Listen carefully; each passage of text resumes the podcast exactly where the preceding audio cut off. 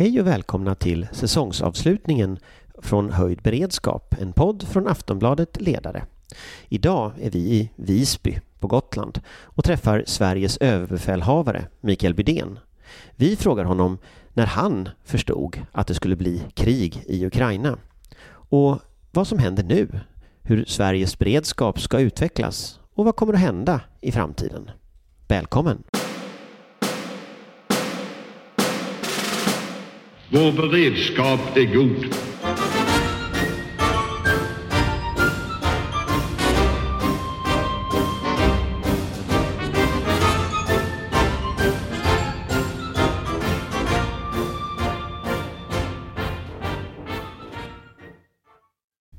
Och välkommen till Höjdberedskap. Vi sitter här idag på HMS Belos, ubåtsräddningsfartyget i Visby hamn tillsammans med Sveriges överbefälhavare Mikael Bydén. Välkommen! Tack så mycket. Och vi som pratar med överbefälhavaren är Amanda Wollstad, Svensk Tidskrift och Oskar Jonsson, Försvarshögskolan. Kriget i Ukraina är inne på sin femte månad. Eh, säkerhetsläget i vårt närområde har förändrats till det sämre eh, kraftigt. När visste du att det skulle bli krig? Det var ju så här att eh, redan förra våren så var det ju tydligt att Ryssland började då förstärka och eh, eh, ja, föra trupp till gränsen kring Ukraina. Det här var ju någonting som vi följde hela resan så att vi hade ju väldigt god koll på vilka resurser, vilka förband som fanns där. Det här fortsatte under hösten förra året och accelererade väl i slutet på förra året och inte minst i början av det här. Och någonstans under januari månad så, så fick jag eh, ja, analysen och beskedet från, eh, från eh, Must att nu föreligger inte längre några operativa hinder för Ryssland att vidta en storskalig operation, invasion eller att göra någonting annat. Så att där, där, där handlar det ju mer om intention, villigheten att ta risk. Så den fan, det, det, var aldrig fråga om, utan det var fråga när och till vilken nivå eh, snarare. Sen kan man alltid diskutera då hur, hur säker man kunde vara på den storskaliga invasionen. Det var ju behäftat med mycket hög risk och det har ju också den här invasionen visat sig att man har fått ta ett steg eh, tillbaka. Men, men någonstans där i i början av året så var det ju rätt uppenbart. Man gör inte den typen av truppsammandragningar, förstärkningar, om man inte har för avsikt att göra någonting. Vi har ju hört från flera olika håll att inte minst amerikanerna reste runt redan i slutet på förra året och delade underrättelser och eh, lägesbilder med sina vänner och allierade. Samtidigt så enligt DN så har regeringskällor påstått att Must ganska länge menade att det inte förelåg någon risk för en större invasion. Vad är motsatsförhållandet där? Ja, men jag, precis som jag sa, det, det handlade om intention och villigheten att ta hög risk. Eh, och, och ur den eh, analysen så kan man också dra sina egna slutsatser huruvida det skulle bli den storskaliga invasionen som väl ett par länder vidhöll hela resan. Och du nämner ju ett av dem. I övrigt så delade vi analys med, med eh, övriga Europa och Ukraina själva att eh, vad, vad, är det som kommer att ske här framöver? Men, men att det skulle ske något, det var, det var helt uppenbart. Sen, sen måste man själv i, den, i de olika positioner man har lägga på sitt raster och sen, sen också försöka förstå vad det här är för någonting. Men det är en det är ju en helt unik situation och en storskalig invasion som genomförs i det här skedet. Det kan, det kan ingen eh, ha någon annan uppfattning om. Nu har ju Sveriges försvarsmakt eh, ett, en tid eh, äntligen befunnit sig in i en uppbyggnadsfas igen. När började ni mer specifikt förbereda er för den utvecklingen vi är mitt inne i nu? Kriget i Ukraina. Alltså, vi, vi, har ju gjort resan, för min del så började ju det här redan med försvarsbeslutet 15 som var trendskiftet. Om ändå med en, får man väl säga då, ganska blygsam satsning. Då var den stor. Det handlade om 10 miljarder. Vi hade ju sagt att vi behöver mer. Eh, försvarsbeslutet 2020 har ju gett oss en helt annan möjlighet mot de militära råd som vi har gett här över åren att förbereda sig specifikt mot det som händer i Ukraina, ja det, det kan jag säga, det, det är ju, en, det är ju snarare en del av den vardagliga verksamheten. Tillväxt å ena sidan, för vi behöver göra det. Sen att hantera det som händer, ja men det, det har vi ju gjort i, i, i, i, perioden när vi har sett det här. Men, men det har ju inte varit några större förändringar Eh, Eh, för att, för att Ryssland genomför en invasion utan det var i samband med att det skedde så har vi också sett över var vi låg någonstans i beredskapsanpassningarna då. Behövde vi göra, det var mina tankar den 24. Har vi gjort allt vi behöver? Vad innebär det här för vårt räkta närområde? Och ganska raskt så blir ju tankarna snarare hur kan vi stödja Ukraina?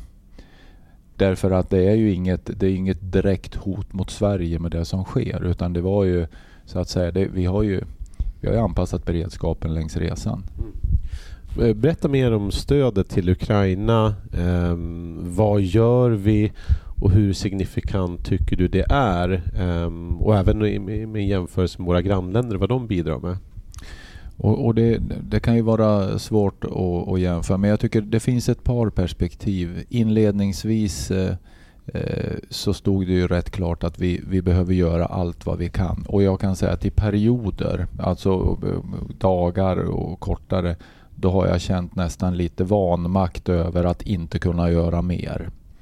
Därmed inte sagt att det vi har gjort på något sätt har varit lite eller dåligt utan det är snarare när vi väl har kommit igång och de politiska beslut som har fattats mot eh, ja, de inventeringar vi har gjort och de förslag vi har gett det är faktiskt det är substantiellt och det är signifikant. Det är vapensystem, bland annat pansarskotten, som verkligen får effekt eh, där de är. Men, men, vi har ju, vi ser överallt. Och vad det handlar om blir ju en, en balans och en risktagning för egen del. Hur långt kan vi gå? Hur långt kan vi ta av det egna innehavet innan vi hamnar i en situation där, där, där vi får egen påverkan? Och den risken måste man vara beredd att ta och då måste man också motivera den och förklara. Det har varit en, en bra dialog mot politiska ledningen. Vi har haft en nära dialog med Ukraina så långt man kan. Både direkt och sen då via attaché och eh, kontoret med ambassadören här i Stockholm. Men har inte Sverige landat i den risktagningen med eh, vad vi ger och vad vi behåller? Har inte vi landat mycket mer blygsamt än några av våra viktigaste partner? Alltså några exempel är att baltstaterna skickade ju redan eh, och Danmark militärt bistånd i januari. Polen skickade 200 stridsvagnar. Eh, Tjeckien skickar S-300 och så vidare. Eh, är Sverige ett av, inte ett av de mer försiktiga länderna i den balansen? Eh, samtidigt som vi förstår såklart att Försvarsmakten har behov hemma. Alltså det, det, där är säkert en högst eh, relevant fråga. Jag har inte riktigt, jag har inte riktigt sett den där utan jag har väl mer, jag har väl mer brottats med, med eh, de egna delarna och, och, hur vi ska göra. Det går alltid att hitta de som, som gör mer. Det går alltid att hitta de som på något sätt ligger, ligger främst och, och är beredda att göra mer än vad andra gör. Men, men jag, jag kan nog tycka att vi har ingenting att skämmas över. Och jag vet hur välkommet det här har varit och i de sammanhang och de jag pratar med så det, finns det absolut ingen syn på, uppfattar jag, att Sverige på något sätt skulle hålla tillbaka. Och här har vi nog varit, från myndigheten har vi nog varit de som har drivit på mer än att vi har varit återhållsamma. Det, det, är, min, det är min känsla och det är nog min bestämda uppfattning. Mm. Kriget i Ukraina är just nu väldigt mycket ett artillerikrig. Um, de bästa öppna bedömningarna säger att Ryssland använder ungefär 15 000 pjäser om dagen. Um, hur länge skulle vi klara att bekämpa ett artillerikrig i, i den intensiteten? Och, och, den frågan kan jag inte svara på för det, det, vet jag inte. Men det är bara att titta på den numerär av eh, artilleripjäser, eh, förmågor, kapaciteter vi har själv så är det ju väldigt svårt att se att vi eh, tillnärmelsevis skulle kunna genomföra något likadant. Och det är väl, det är väl någonting som vi också behöver ta med oss eh, här nu när vi ser det, det har blivit mer av det kanske det militärt traditionella kriget om man går tillbaka och tittar på de stora krigen. Där man, där man eh, fullständigt eh, kör över eh, områden med, eh, med artilleri. Vi är inte där. Det, jag behöver inte säga mer än så. Det här vet ni lika väl som jag. Mm. Men, eh, och uthålligheten i alla delar är ju såklart eh, extremt viktig. Men eh, har det lett till ett omtänk hur vi tänker kring försörjning av till exempel militärmateriel? Alltså den internationella försvarsmarknaden är ju precis som den medicinska marknaden i pandemi. Att eh, när en vill ha det vill alla ha det. Mm. Och då kommer man som liten stat kanske ganska långt ner i prioriteringen. Vi, vi har lyft upp det här nu att det är ju nu behoven eh, att fylla på, att, att köpa mer, de ser ganska lika ut i, i många länder och hamnar man för långt bak i kön här då, då kommer man ju också få leveranserna väldigt långt bort. Jag, jag tycker att det finns en hel del lärdomar att dra. Det är lite för tidigt att dra de allt för långtgångna slutsatserna. Det tror jag också man kan vara överens om. Men att det här, just det här kriget och på det sätt som det initierades och bedrivs, det, det, det kan man dra lärdomar av. Men man måste också komma ihåg att med, med stor sannolikhet så att nästa krig kommer förmodligen att se annorlunda ut oavsett om man pratar det initiala skedet eller något annat. Så man, man kan inte bara lägga allt åt sidan och säga att nu är det det här som gäller. Men vad är, att, att det behövs eh, lo, eh, säkra logistikkedjor. Att det behövs eh, säkrade ledningsfunktioner på ett annat sätt. Det är ju delar utav erfarenheten ifrån det vi ser nu i Ukraina. Vi kan också säga att försvarsviljan kommer att vara fullständigt avgörande. Det behöver man ju inte någon längre djupare analys för att säga. Det här har vi, här har vi något att ta med oss och någonting fint att bygga på i, i Sverige. Förra veckan så fick vi officiellt inbjudan eh, som ansökande NATO-land. Eh, nu ska vi eh, genomföra en process där man ska se hur nära vi står eh, NATOs eh, krav på uppfyllnad. Och eh, Förlåt, nu fick vi en lite så här tv-ingång här. Det var ju lite roligt. Alla NATO-länder godkände Sveriges protokoll. Bäddar för nästa steg i processen fick vi precis in i studion här. Det var ju väldigt taktiskt. Eh, vi har ju dock ratificeringsprocessen kvar. Det ska godkännas av samtliga medlemsländers eh, parlament, så där vi är inte riktigt med än. Men en klassisk sportfråga. Hur känns det att vi nu är på väg in i NATO?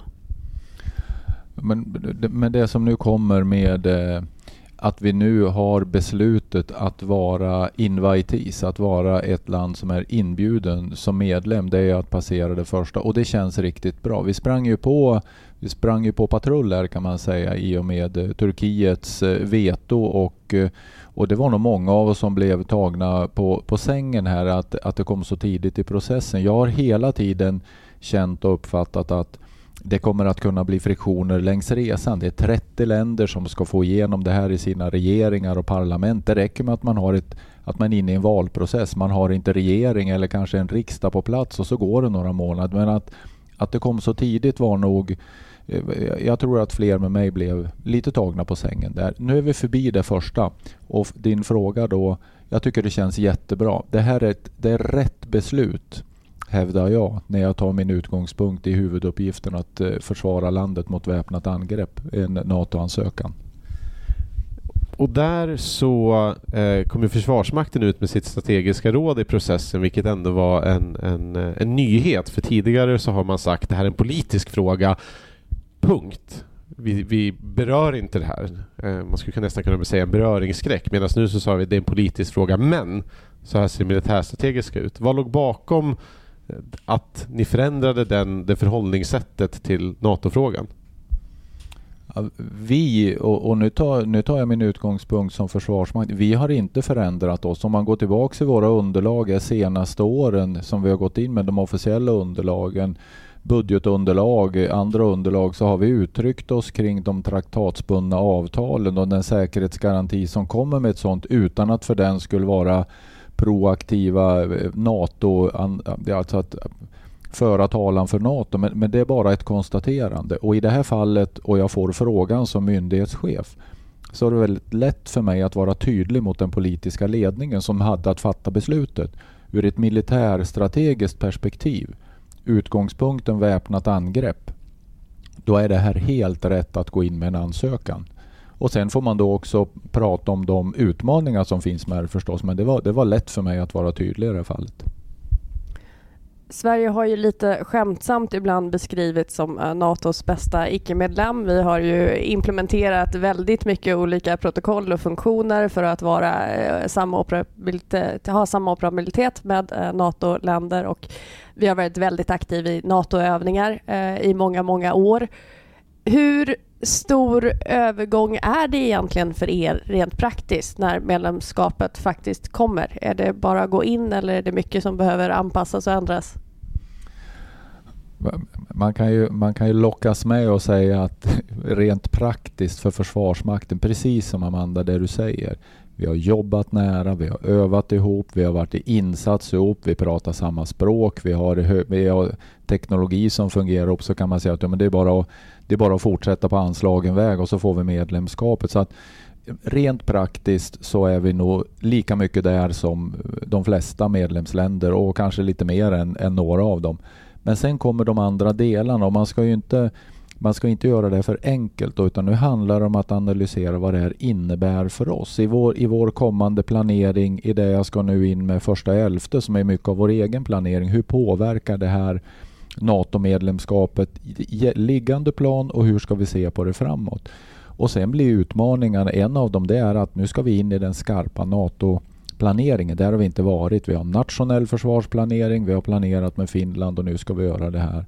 Och en annan utmaning blir ju både på kort och längre sikt att bemanna till den nivå som både förväntas och ställs krav på. Så vi har, vi har några saker att ta här. Hur förbereder vi eh, NATO-stöd i landet?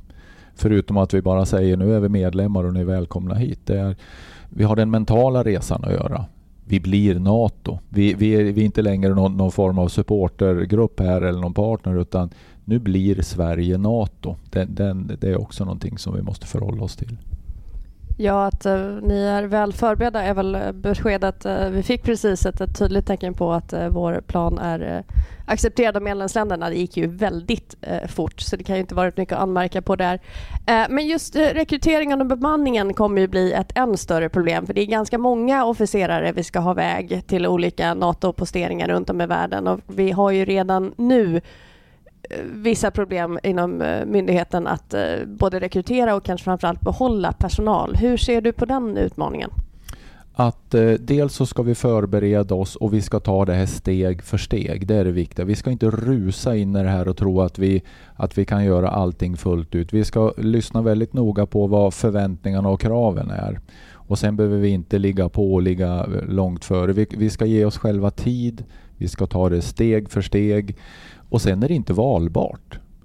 Går vi nu in som fullvärdig medlem, ja men då måste vi också leva upp till de krav som ställs på oss och förväntningar. Och då tycker jag att det, det, den utmaning man ställs inför om vi tar bemanningsmässigt, ja men då är ju det en kortsiktig, ett kortsiktigt problem, utmaning, men som går mot en långsiktig säkerhetsgaranti och då måste man ju vara beredd att hantera den här perioden. Ja, vi får ta i mer. Det är saker vi inte kommer att kunna göra. Vi får göra omprioriteringar.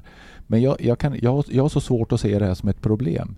Det här är givet nu. Det här är bra. Det här ska vi se till att göra på allra bästa sätt under de förutsättningar som råder för oss. Vi ska, inte, vi ska liksom inte nu tävla med Finland in i det här och vara först utan här gäller att, och vi har redan börjat den dialogen med NATO-representanter.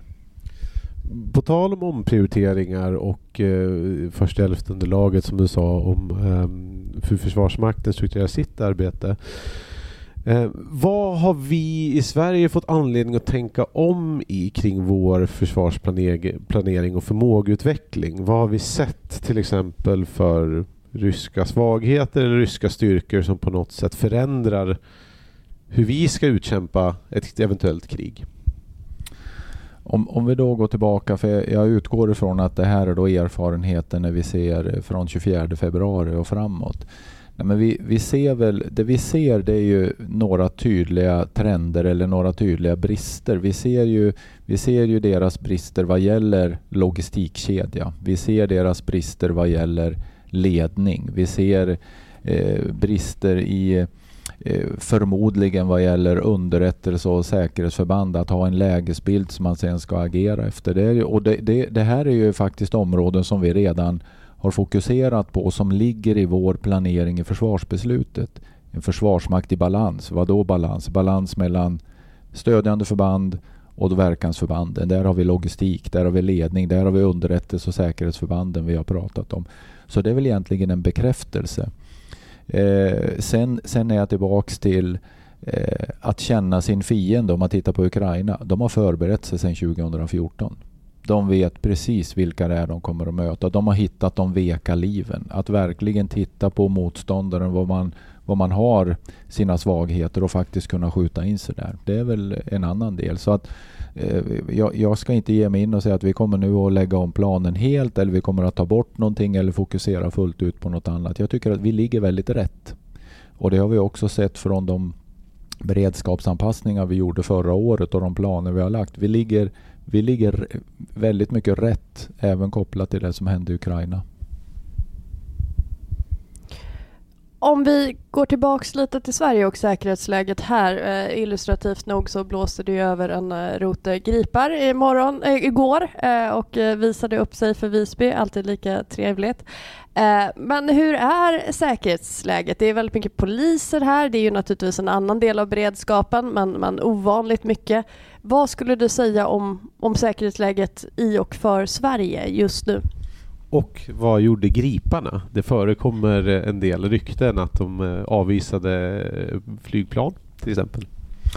Eh, vi, jag ska försöka, om jag börjar det lite större. I samband med att, att eh, det började luta åt att vi skulle gå in med en ansökan till NATO och i samband med att vi gjorde det så, så tryckte vi också på att vi gick in i en period som med, med risker och hot som, som ökade. Och då var det i första hand inte de konventionella ryska militära styrkorna vi såg utan det var ju ett Ryssland som, som hamnade i en situation mot ett enat Europa. Det hade man kanske inte riktigt förväntat sig. Ganska dåliga framgångar i, i sitt eget krig. Och, och, och, då har vi sagt att motreaktioner, reaktioner kommer. Där i ligger den här ökade hotrisken. Vad kan det vara? Cyberattacker, informationsoperationer, påverkanskampanjer, misskreditering av beslutsfattare. I ett valår som i år så är det ju perfekt att ge sig på med den typen av verktyg. Vi har inte sett så mycket av det i praktiken. Det har nog varit mindre än vad vi hade förväntat oss. Därmed inte sagt att det inte kommer. Det, det, det ligger fortfarande där. Så det är en del det är väl en del av risken. Vi ser också de större övningarna, Baltops, då svarar man upp med en en övning som man också förstärker, mer militär närvaro av flera på ett rätt begränsat område, på sjön och i luften. Och då är det incidenterna som vi har pratat om. Beteenden, nä, flygning nära andra men också nära vår gräns oavsett om man medvetet tänker passera gränsen eller inte, vilket man sällan gör, säger jag. Det händer inte så ofta, men åtminstone beteendet att vara så nära, det är onödigt. Här i ligger det en hel del. Och vad gjorde då griparna? Ja, de flög igår och vi hade också ett eh, incidentroten var här ute och genomförde då en eh, en, en, eh, en klargöring eh, här ute för att fortsätta och så passade man då på och vi planerade in en överflygning och så gjorde vi en medial del ute på på vårt eh, område här i norra delen av det. Så att eh, jag vet, jag har inte hört någonting om någon avvisning eller någon, någon nära kränkning. Så att eh, om det är rykten, det, det vågar jag inte säga. Jag har inte hört något kan inte bekräfta det. Men de är väl fina i luften, eller hur? Det oer, känns oerhört tryggt att, att ha den typen av bevakning. Har... Och, det var, och det var våra flygplan. Om det, om det gick andra rykten så var ja, det var, det var Gripen och det var svenska flygvapnets Gripen som var Tack och lov ganska lätta att identifiera. Eh, men du talar om situationen inför NATO och inför valet. Eh, tror du att det, vi kommer se en, en upptrappning inför det och finns det någon risk för eh, andra cyberhot är ju naturligtvis ett, ett stort hot i sig men är ni rädda för att det ska gå längre än så rent fysiskt? Att vara rädda eller bekymrade. Jag kan bara konstatera att det här är, ett, det är en händelse i landet som, som är stor och viktig och det finns möjligheter att påverka det här på olika sätt. Och, och, och, det här är, jag tar det som exempel men jag vet ju också att det exemplet hanteras. Det är flera myndigheter som, som har ansvar och, och, följer det här väldigt noggrant. Ja, det, är väl, det är väl inte helt osannolikt att man gör någonting i, kombination, ja, i samband med det här men, men, men det är ingenting i grunden som jag lägger någon, något större fokus på utan vi ska se till att lösa våra delar. Du pratade också om det här med risk och säkerhet här kring Almedalen. Jag har fått rätt många frågor kring det. Det finns ingen information som jag har som säger att det, att det skulle vara en händer en massa saker eller, eller det är risk och hot här just nu utan det är väl när man samlar sig många befattningshavare och intressanta personer och, och verksamheter, ja men då är det väl klart att det finns en möjlighet att göra något. Men det finns inga finns inga tydliga tecken eller informationer som jag har fått som, som gör att jag är orolig. Nej, och där kan man ju, ska man göra någonting mot ledande befattningshavare kan man skjuta en kryssningsrobot mot regeringskvartering så träffar man lika många som man gör här på Visby. Förlåt, nu kanske vi inte ska måla fan på väggen riktigt eh, så långt. Eh, men hur ser det ut eh, ovanför, på och under Östersjön? Jag vet för ett par år sedan så hade ni ett eh, seminarium här, eller deltog i ett seminarium här när en utav eh, eh flygvapnets piloter talade om situationen, just hur det känns att befinna sig uppe i ett plan när eh, ryska plan flyger onödigt nära. Vi har ju haft en del incidenter både i Sverige och i våra nordiska grannländer med flyg som uppvisar aggressivitet, eh, fartyg som går nära. Vad som pågår under ytan vet vi inte men det brukar, brukar inte vara bättre där. Hur ser situationen ut för de enskilda piloterna och sjömän? Är ni oroliga för att det av misstag ska ske olyckor eller incidenter när vi ser den här aggressiva typen av markering? Vi är medvetna om det här och i, i, perioder och vid tillfällen så är det ju uppträdande som är onödigt nära gräns eller onödigt nära våra flygplan eller andra länders flygplan. Och, och jag tror att de är det här är personal som är erfarna. Vi, vi vet om det här. Vi är medvetna om det och vi förbereder oss för att det ska ske. Men, och sen är det just det här med de här eh, ja, men, eh, incidenten som uppstår. Det går ju faktiskt att skapa ett, ett problem och använda det i sin egen, eh, i sin egen beskrivning sen att det, var, att det var någonting annat. Men vi, här gäller att vara medveten, det gäller att vara kall, att inte dra för, för eh, snabba slutsatser. Och det här, det här ser vi ser det på ytan. Vi ser det i luften. Eh, inte, det är inte så att det här har ökat lavinartat, men, men det finns där. Och, och framförallt kopplat till de lite större övningarna eller motreaktionerna vi pratar om. Ehm, jag skulle vilja fråga, nu är ju Försvarsmakten ändå i ganska mycket medvind, alltså dels politiskt med, med, med stora satsningar och, och, men även samhälleligt med, med mycket stöd för Försvarsmaktens roll och liksom rekordansökningar till hemvärnet och sådär. Ehm, men vad är svårast för dig i ditt jobb just nu? Vad ger dig mest huvudvärk? Ja, det, det, där är, det där är en väldigt bra fråga. Det, tidigare innan allt det här trillade in under våren, då, då den största utmaning som jag oftast har det är den kommunikativa delen. Att, att kunna prata till alla uppåt, utåt, neråt i organisationen, ut mot våra partners och, och, och få ihop en kommunikation som både hänger ihop och som blir som både är trovärdig och tydlig. Det, det tycker jag är en, en, utmaning över tiden. Men om man lägger den åt sidan och så inser vi att under den här våren och det som då hände i Ukraina, vi, vi kommer med ett vi kommer med ett försvarsbeslut med höga ambitioner som dessutom är finansierat. Det var 17 punkter som inte kom med. Det speglar väldigt mycket det råd vi har gått in med. Så redan december 20 så fick vi nypa oss i armen att det föll på plats och vi har ju verkligen fått lägga vi har lagt en plan som är krävande. Vår organisation som går hårt.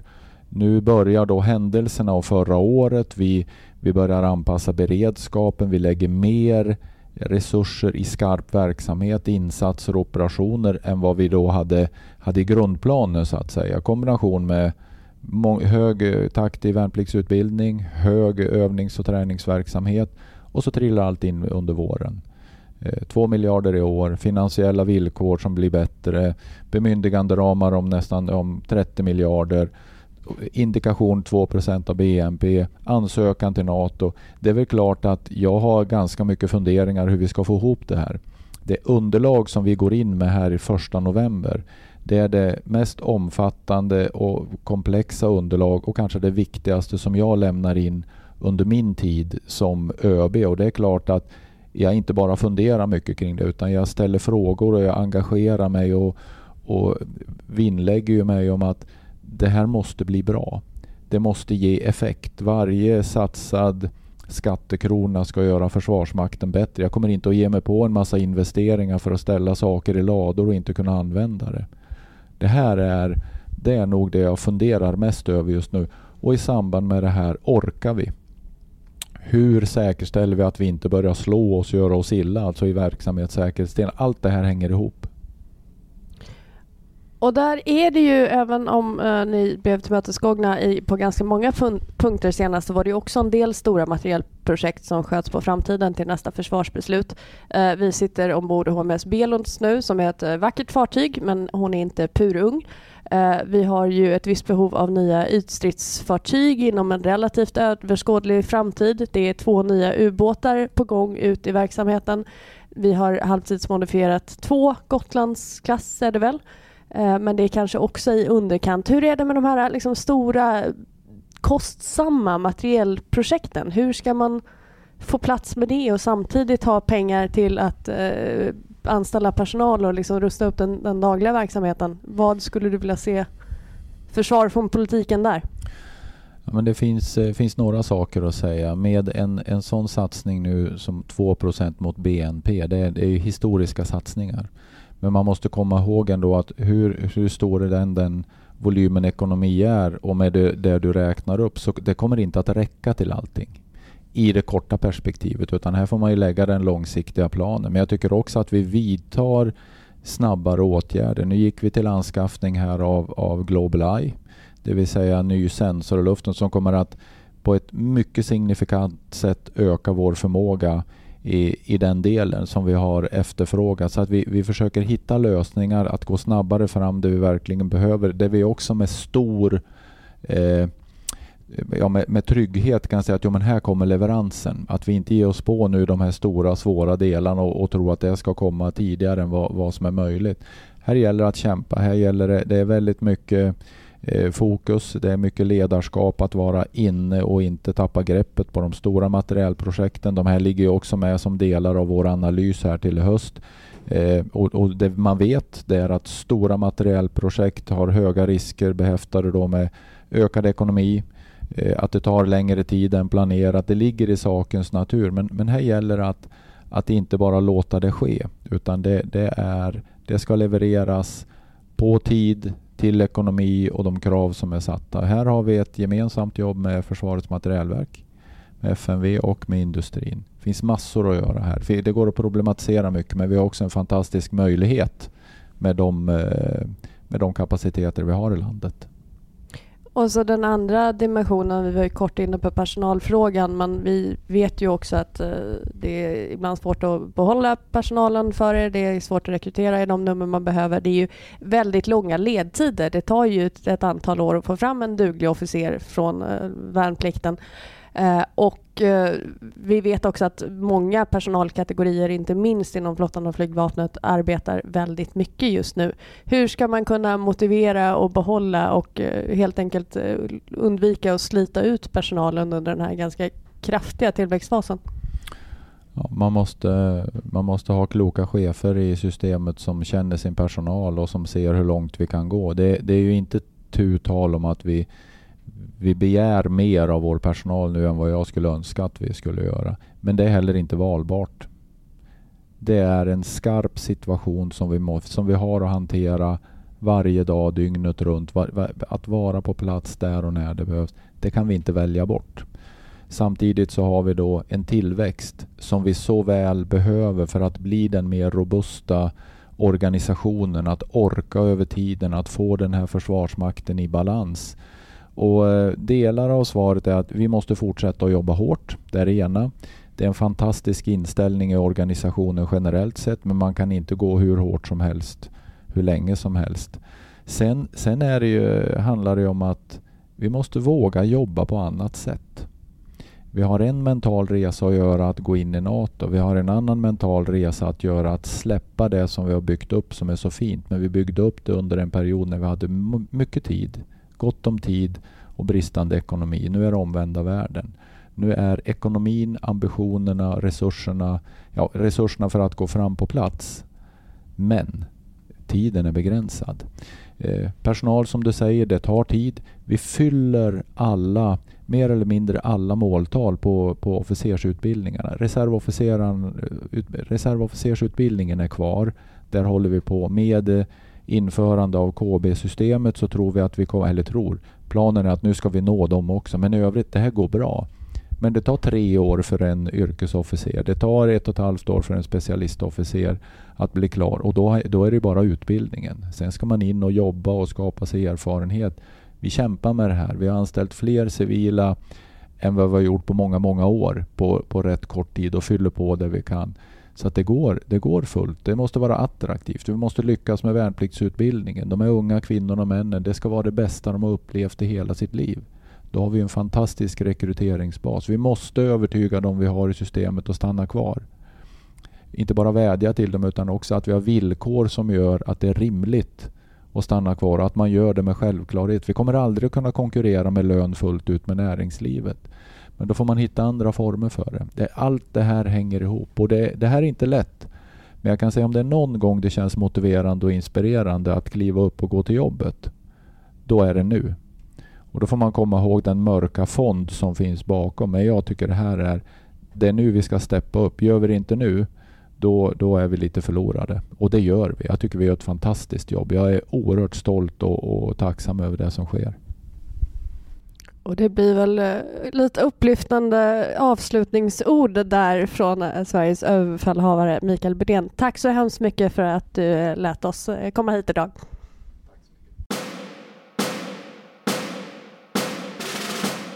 Vår beredskap är god. Ja, då, då sitter vi faktiskt i våran panel här nu och ska diskutera ÖB och nu är det inte längre på HMS Belos utan nu är det faktiskt i Almedalen.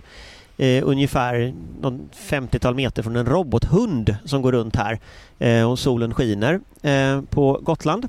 Och med mig här idag så har jag eh, Amanda. Wadstad, Svensk Tidskrift. Patrik. Oksanen, taximedlaren Frivärd och Oskar. Jonsson, Försvarshögskolan. Ja, och ni har just intervjuat ÖB. Eh, vad, hur kändes det? Vad var ert intryck? Sportfrågan? Ja, men han är ju... Det är ju tydligt att, att det händer väldigt mycket just nu och att han har en positiv bild och, och eh, är ganska nöjd med den utvecklingen Försvarsmakten har.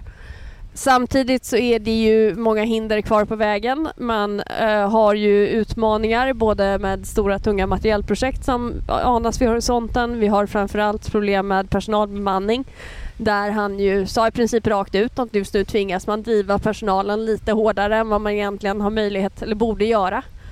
Eh, det var ju också en väldigt dis intressant diskussion om, om hans syn på hotbilden och Sveriges situation där man, eh, han konstaterade att, att eh, hittills har vi ju inte sett riktigt den anstormningen som man hade väntat sig efter NATO-medlemskapet men det finns ju fortfarande stora risker för inte minst olika former av IT-attacker, cyberattacker, smutskastning, kampanjer och det är väl en stor risk inför valet framförallt.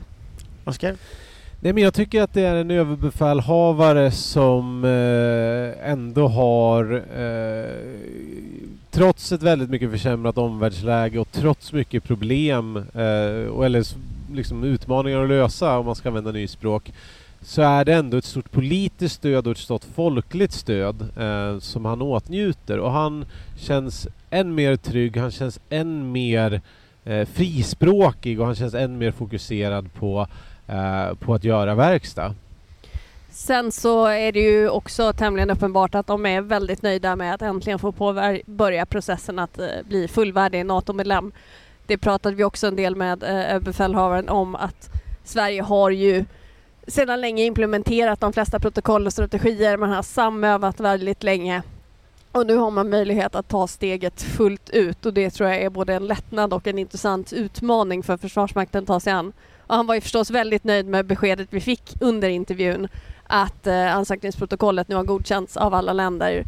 Och med tanke på hur snabbt det har gått så är det också ett tydligt tecken på att Sverige är rent praktiskt redo för ett NATO-medlemskap. Och där kan vi lägga till att efter den intervjun ni gjorde så har ju nu Estland klivit ut och sagt att de sammankallar sitt eh, parlament, eh, Rigi Rigikogu, sin riksdag och eh, ratificerar Sverige och Finlands medlemskap imorgon som första land.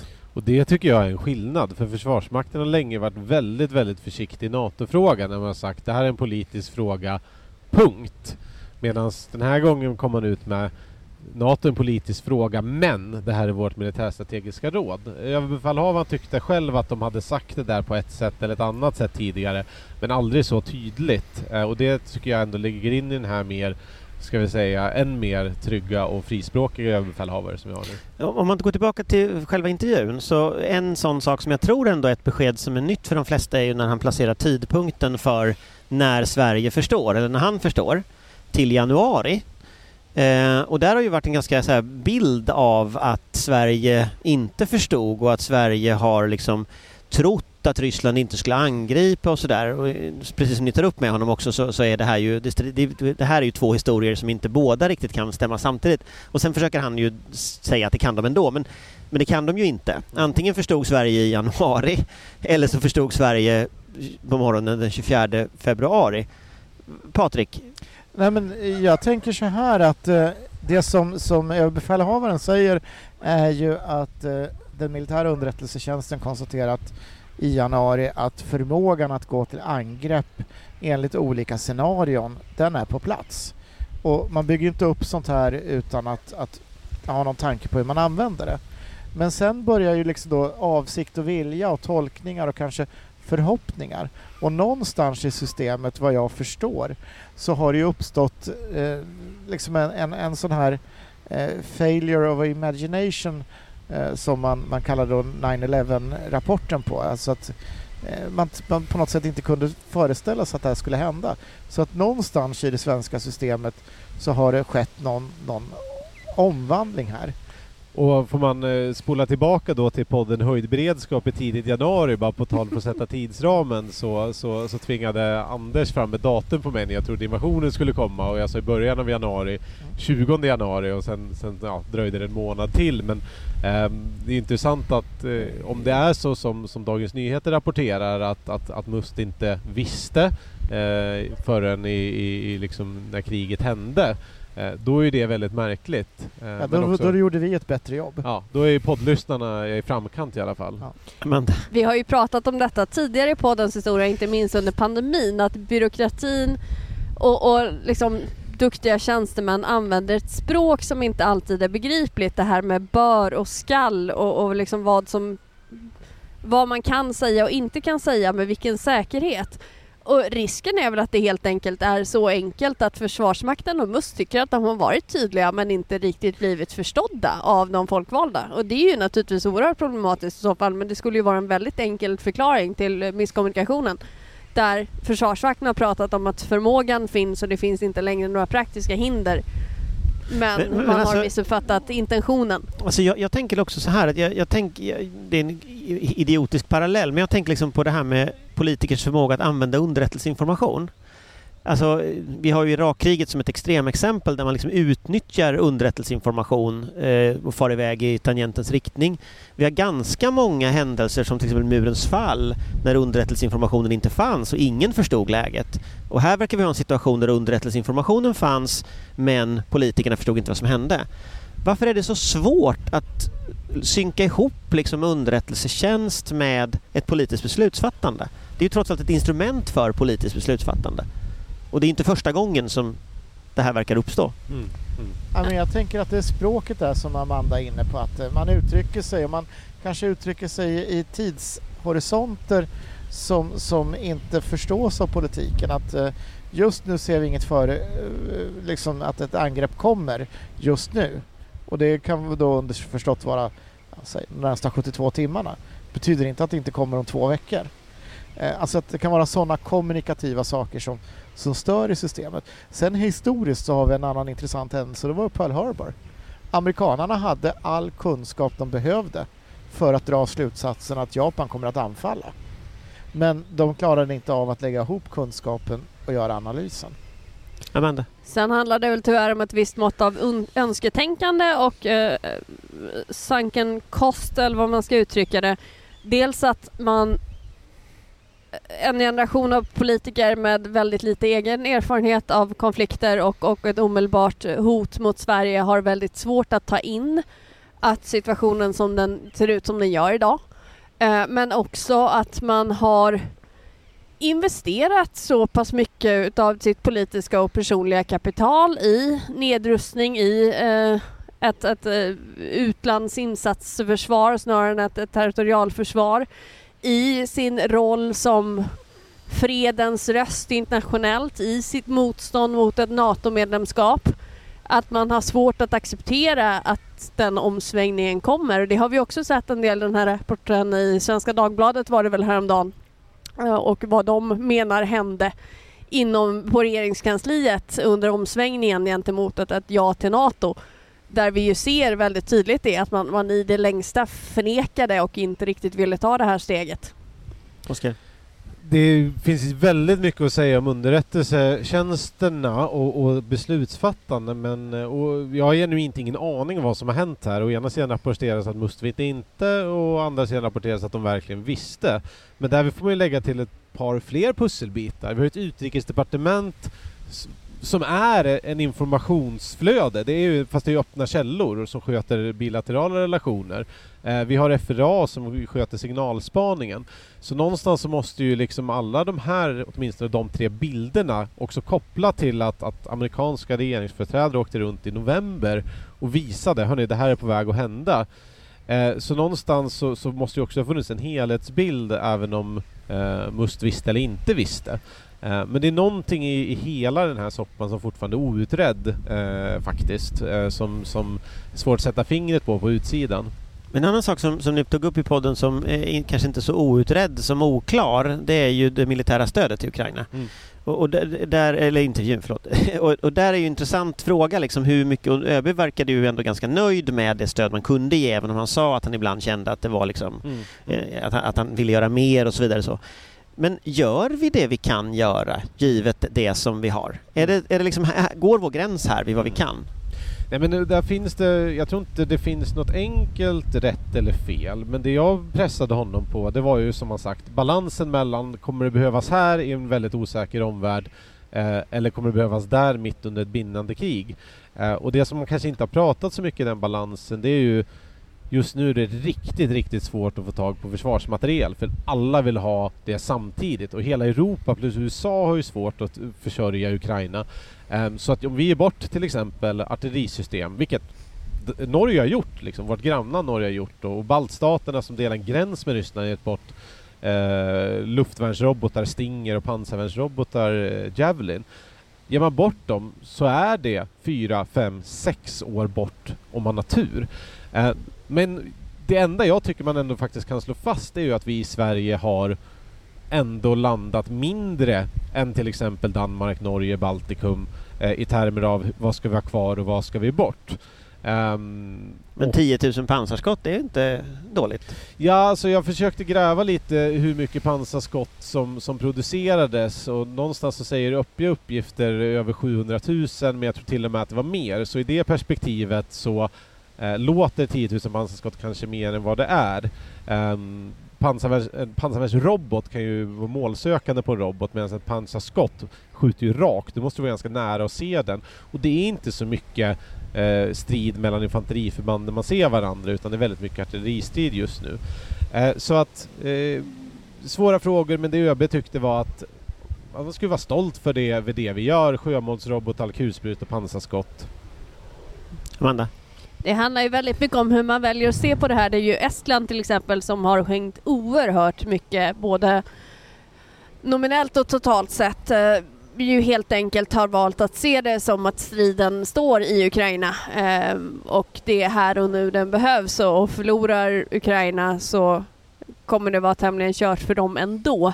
Eh, och det är väl en, en ganska rimlig slutsats att dra. Eh, sen så är det väl också ju, ju längre men det känns som en ganska korrekt slutsats om man sitter i Tallinn och tittar ja, på det. Ja, men precis. Men vi är inte så himla mycket längre ifrån så det är svårt och jag tror säkert att vi kunde göra mer. Framförallt så skulle vi kunna göra mer eh, civilt därför att det behövs ju stöd, liksom rent ekonomiskt stöd och uppbyggnadsstöd och stöd med sjukvårdsmateriel och sånt också som vi kanske har lättare greppbart och också har någon slags här identitetskoppling. Vi vill ju gärna se oss som den humanitära stormakten så det är kanske lättare att göra det.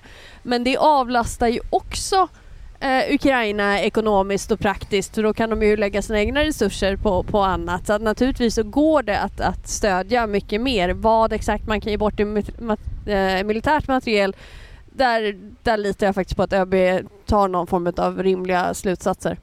Oskar hade en bra idé i en, en, panel som jag lyssnade på här tidigare idag Eh, och det är ju då att vi kanske behöver fundera på om vi inte ska bygga en, eh, en, en fabrik för kryssningsrobotar till exempel. Eh, och lite grann så den erfarenheten som vi gjorde efter andra världskriget var ju då att i tid av upprustning när alla rustar upp så kommer inte den internationella marknaden att eh, då kunna försörja eh, Sverige eh, så därför att det blir konkurrens om, om vapnen. Okej, okay, missilfabrik. Jag vill inte vara jätteteknisk men jag måste ändå bara för lyssnarnas skull försöka åskådliggöra det här lite. Om vi tittar på de NLO som Storbritannien har skickat. Nu pratar vi pansarvärnsvapen. Pansarvärnsrobotar. Så kommer det ta fyra år för dem och då har de ju redan fabriker och produktionslinjer på plats. Det kommer ta fyra år för dem att få tillbaka lika många pansarvärnsrobotar som de hade innan kriget. Men sen vill de ju ha dubbelt så många för kriget har ju försämrat säkerhetsläget. Så säg att det tar sju år för dem att bara få inom existerande lina. Och då ser vi kryssningsrobotar, en av de största sakerna vi saknar i Sverige. Vi saknar mängden av dem. Eh, och de har ju visat sig ett strategiskt vapen för Ryssland och vi skulle kunna slå mot alla ryska baseringsplatser eh, från havet, från svenskt territorium. Eh, och det är egentligen enkelt sett bara att börja bygga tycker jag. Om man tänker att vi rustar upp nu, eh, för det tar ju en stund att bygga en ny stridsvagn för ryssarna också som man har skjutit sönder liksom, så att det blir ju ändå någon form av balans där. Man har lite tid, säg, säg vi har det, och så satsar man de pengar som, som prat, folk pratar om nu, 2 av BNP, det blir en generell upprustning. Hur lång tid tar det för oss att nå till en sån punkt? Ja, om vi börjar nu liksom. Ja, det, det, tar väldigt lång tid, men jag måste också lägga upp det som är lite av en, en, en många andas ut lite och tänker nu är Ryssland nere för flera år. Eh, enligt den bästa öppna källor-tracken för ryska militära förluster så har de tappat 34 stridsflyg. 17 av dem är Su-25, det vill säga från eh, alltså 70-talet. 17 av dem är moderna. Vet ni hur många moderna stridsflyg Ryssland producerar per år? Jag tänker att du vet det. Ja, 500 har de producerat de senaste 10 åren, så de snittar 50 per år. Eh, så bland moderna stridsflyg så borde Ryssland ha egentligen fler än när de startade kriget. Så att Ryssland har en enorm försvarsindustri. Sen så kommer det bli komponentbrist och så vidare och det är svårt att veta exakt hur det slår, men det kommer man också kunna lösa med substitut. Eh, så att jag skulle inte, jag vill också varna för oss att andas ut och tro att, eh, att det helt plötsligt kommer att ta, att Ryssland kommer vara nere i 5-6 år, det tror jag inte. Nej, det tar jättelång tid för vår del, eh, men det är också därför vi måste börja. Alltså kryssningsrobotar har funnits i, sedan 1970-talet, vi har fortfarande inga storskalig produktion av kryssningsrobotar i Sverige. Patrik? Nej men det är, det är inte, inte så mycket mer att säga än att hålla med. Eh, vi måste börja och vi måste börja mycket snabbare än vad vi gör. Och det tar, eh, det tar den tiden. Eh, Oskar indikerar ju här liksom sju år för Storbritannien att eh, nå de siffror som de vill ha på NLAW. Vi vet att man brukar prata om tio år för att få ett örlogsfartyg från ritbord till, till tjänst, även om man kan korta det på olika sätt. Så att det är processtider och det måste gå mycket fortare och med en större ansträngning och vilja. Amanda? Och det är ju det vi också har tjatat lite om. Alltså allting måste ju göras samtidigt. Det är det som är problemet. Ja, vi måste vi måste se till att få förmåga här och nu. Vi måste bygga upp våra lager av ammunition både i, i liksom mindre och större eh, klasser. Eh, men vi måste ju också se till att få ut den där jäkla beställningen på nya ytstridsfartyg som vi har tjatat om jag vet inte hur många år som nu var uppskjutet igen till eh, försvarsbeslutsperiod 25-30. Eh, därför att de är ju tio år bort när vi väl har beställt dem, eh, även om vi kanske kan pressa tiden lite. Och Det är ju det som är problemet just nu, att, att man vill göra saker här och nu. Och det är naturligtvis bra, för vi behöver bygga förmåga här och nu, men vi behöver också bygga den långsiktiga förmågan och omsätta de större vapensystemen som börjar vara dags att bytas ut. Och det är det jag upplever att politiken har lite svårt att förstå. Det är inte antingen eller, det är allt på en gång just nu. Vi behöver Big Bang i försvarspolitiken och ett mod från, från eh, försvarsberedningen och, och, eh, landa det. Jag menar, de politiska förutsättningarna finns ju. Man är historiskt överens om att nå 2 men jag tänker att om vi tittar framåt lite grann, för att där är ju NATO-medlemskapet ändå den största säkerhetspolitiska förändringen som sker. Och nu har lite Turkiet bränt av mycket av vad Turkiet hade. De kunde stoppat detta, idag skrivs det på. Eh, och, och det är klart att ju, ju längre tiden går så de kommer de fortsätta bråka men de får ändå tillbaka allt mindre ju mer de bråkar. De har spelat det här kortet inrikespolitiskt en gång. Mm, det vet vi ju hur inrikespolitik fungerar, man kan inte spela ett kort många gånger som helst. Eh, då kommer ju nästa fråga som vi inte har diskuterat i Sverige, det är ju att vi ska ju integrera oss i NATO-strukturer. Vi ska integrera oss i stridsgrupper, vi ska integrera oss i staber, vi ska integrera oss materielmässigt. Alltså, ni pratade ju med ÖB lite, så han, han var ju glad eh, och det här med, det här med råd och hit och dit och sådär som är, eh, som, som han gav. Alltså, hur bedömer ni liksom beredskapen i den militära ledningen? Står vi inför en ny sån här, liksom, wow, oj, det var massa nytt som hände med NATO-medlemskapet som vi inte hade tänkt på? Eller liksom, är det här på räls nu? Amanda? Jag tror att det, det är tudelat tror jag. Eh, därför att eh, mycket av systemen och kunskapen är väl integrerad redan. Så på så sätt kommer det gå väldigt enkelt. Och som sagt, det är ett tydligt tecken det här att det, det blev så otroligt eh, snabb godkännande av vår, vår, eh, vårt protokoll där. visar ju också att vi, vi är ju redan integrerade. Det vi kommer få problem med det är ju inte minst bemanningen. Det har ju pratats om uppemot 200 officerare som ska skakas fram för att sitta på NATO-staber runt om i världen vi har inte 200 officerare, av liksom, speciellt inte på den nivån som krävs, som vi kan skicka ner just nu. Nej men då Så- pratar du inte heller om stridsgrupper, alltså om, om, man om vi ska delta till exempel i Baltikums försvar, alltså det, det är en massa sådana frågeställningar som in, Och det kommer ju, överhuvudtaget inte diskuterats i Sverige. vi ska ju skaka fram nu också. Nu har de ju precis ökat den här stående stridsgruppen som ska vara tillgänglig i. Eh, inte bara lite heller. Så att, nej, det är mycket, pe- personalen tror jag kommer bli den trånga sektorn där därför att vi har svårt att bemanna funktioner redan inom Sverige. Oskar? Vet ni hur många NATO-länder som har fullbemannade NATO-staber? Jag gissar att du vet det Inga, också? kanske? Noll? Fel. En. Storbritannien. Och det har att göra med att när de klev ur EU så tog de alla från EUs militära stab och satte dem på NATOs militära stab. Så att så här, det kommer ta en process men det är också bara ett NATO-land som har en fullbemannad NATO-stab.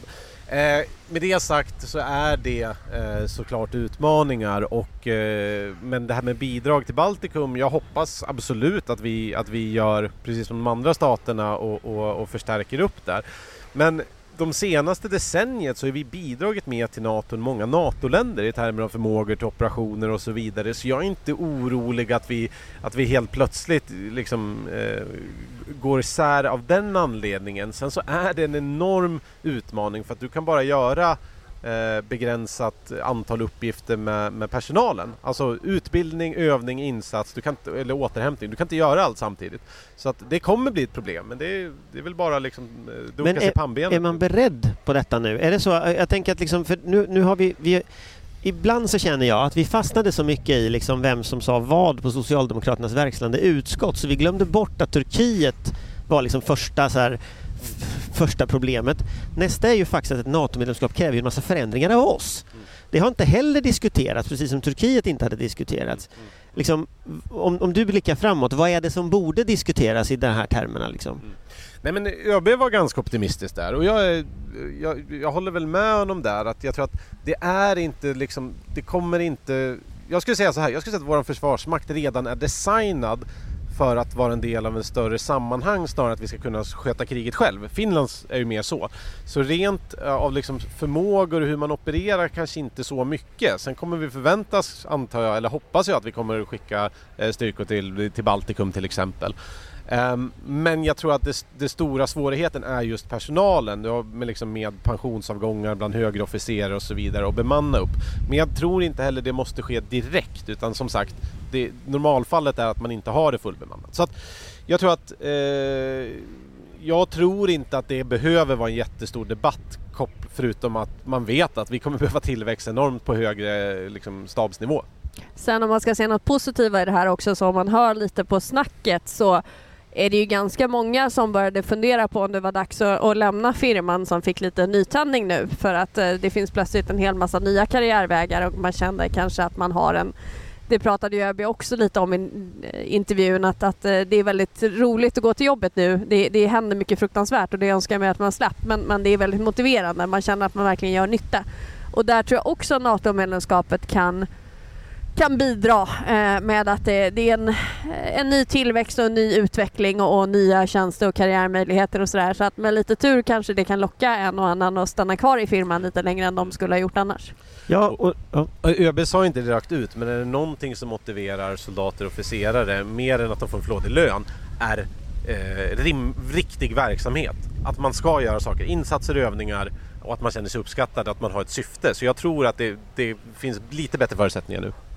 Ja, och det är alltså höjd beredskap. Vi är i Almedalen nu och eh, vi har nu fått sällskap här nere i Almedalen av en riddare, en medeltida riddare. Så en robothund och en medeltida riddare och lite vind. Och ÖB har varit med i detta avsnitt. Och även Amanda, Oskar och Patrik. Och det här är sista avslutningen för sommaren, så glad sommar från oss. Hej hej! Hej! Hej! Vår beredskap är god.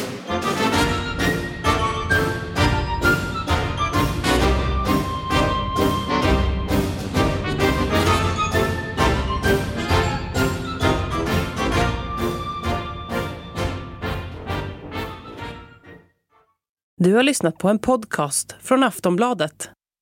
Ansvarig utgivare är Lena K Samuelsson.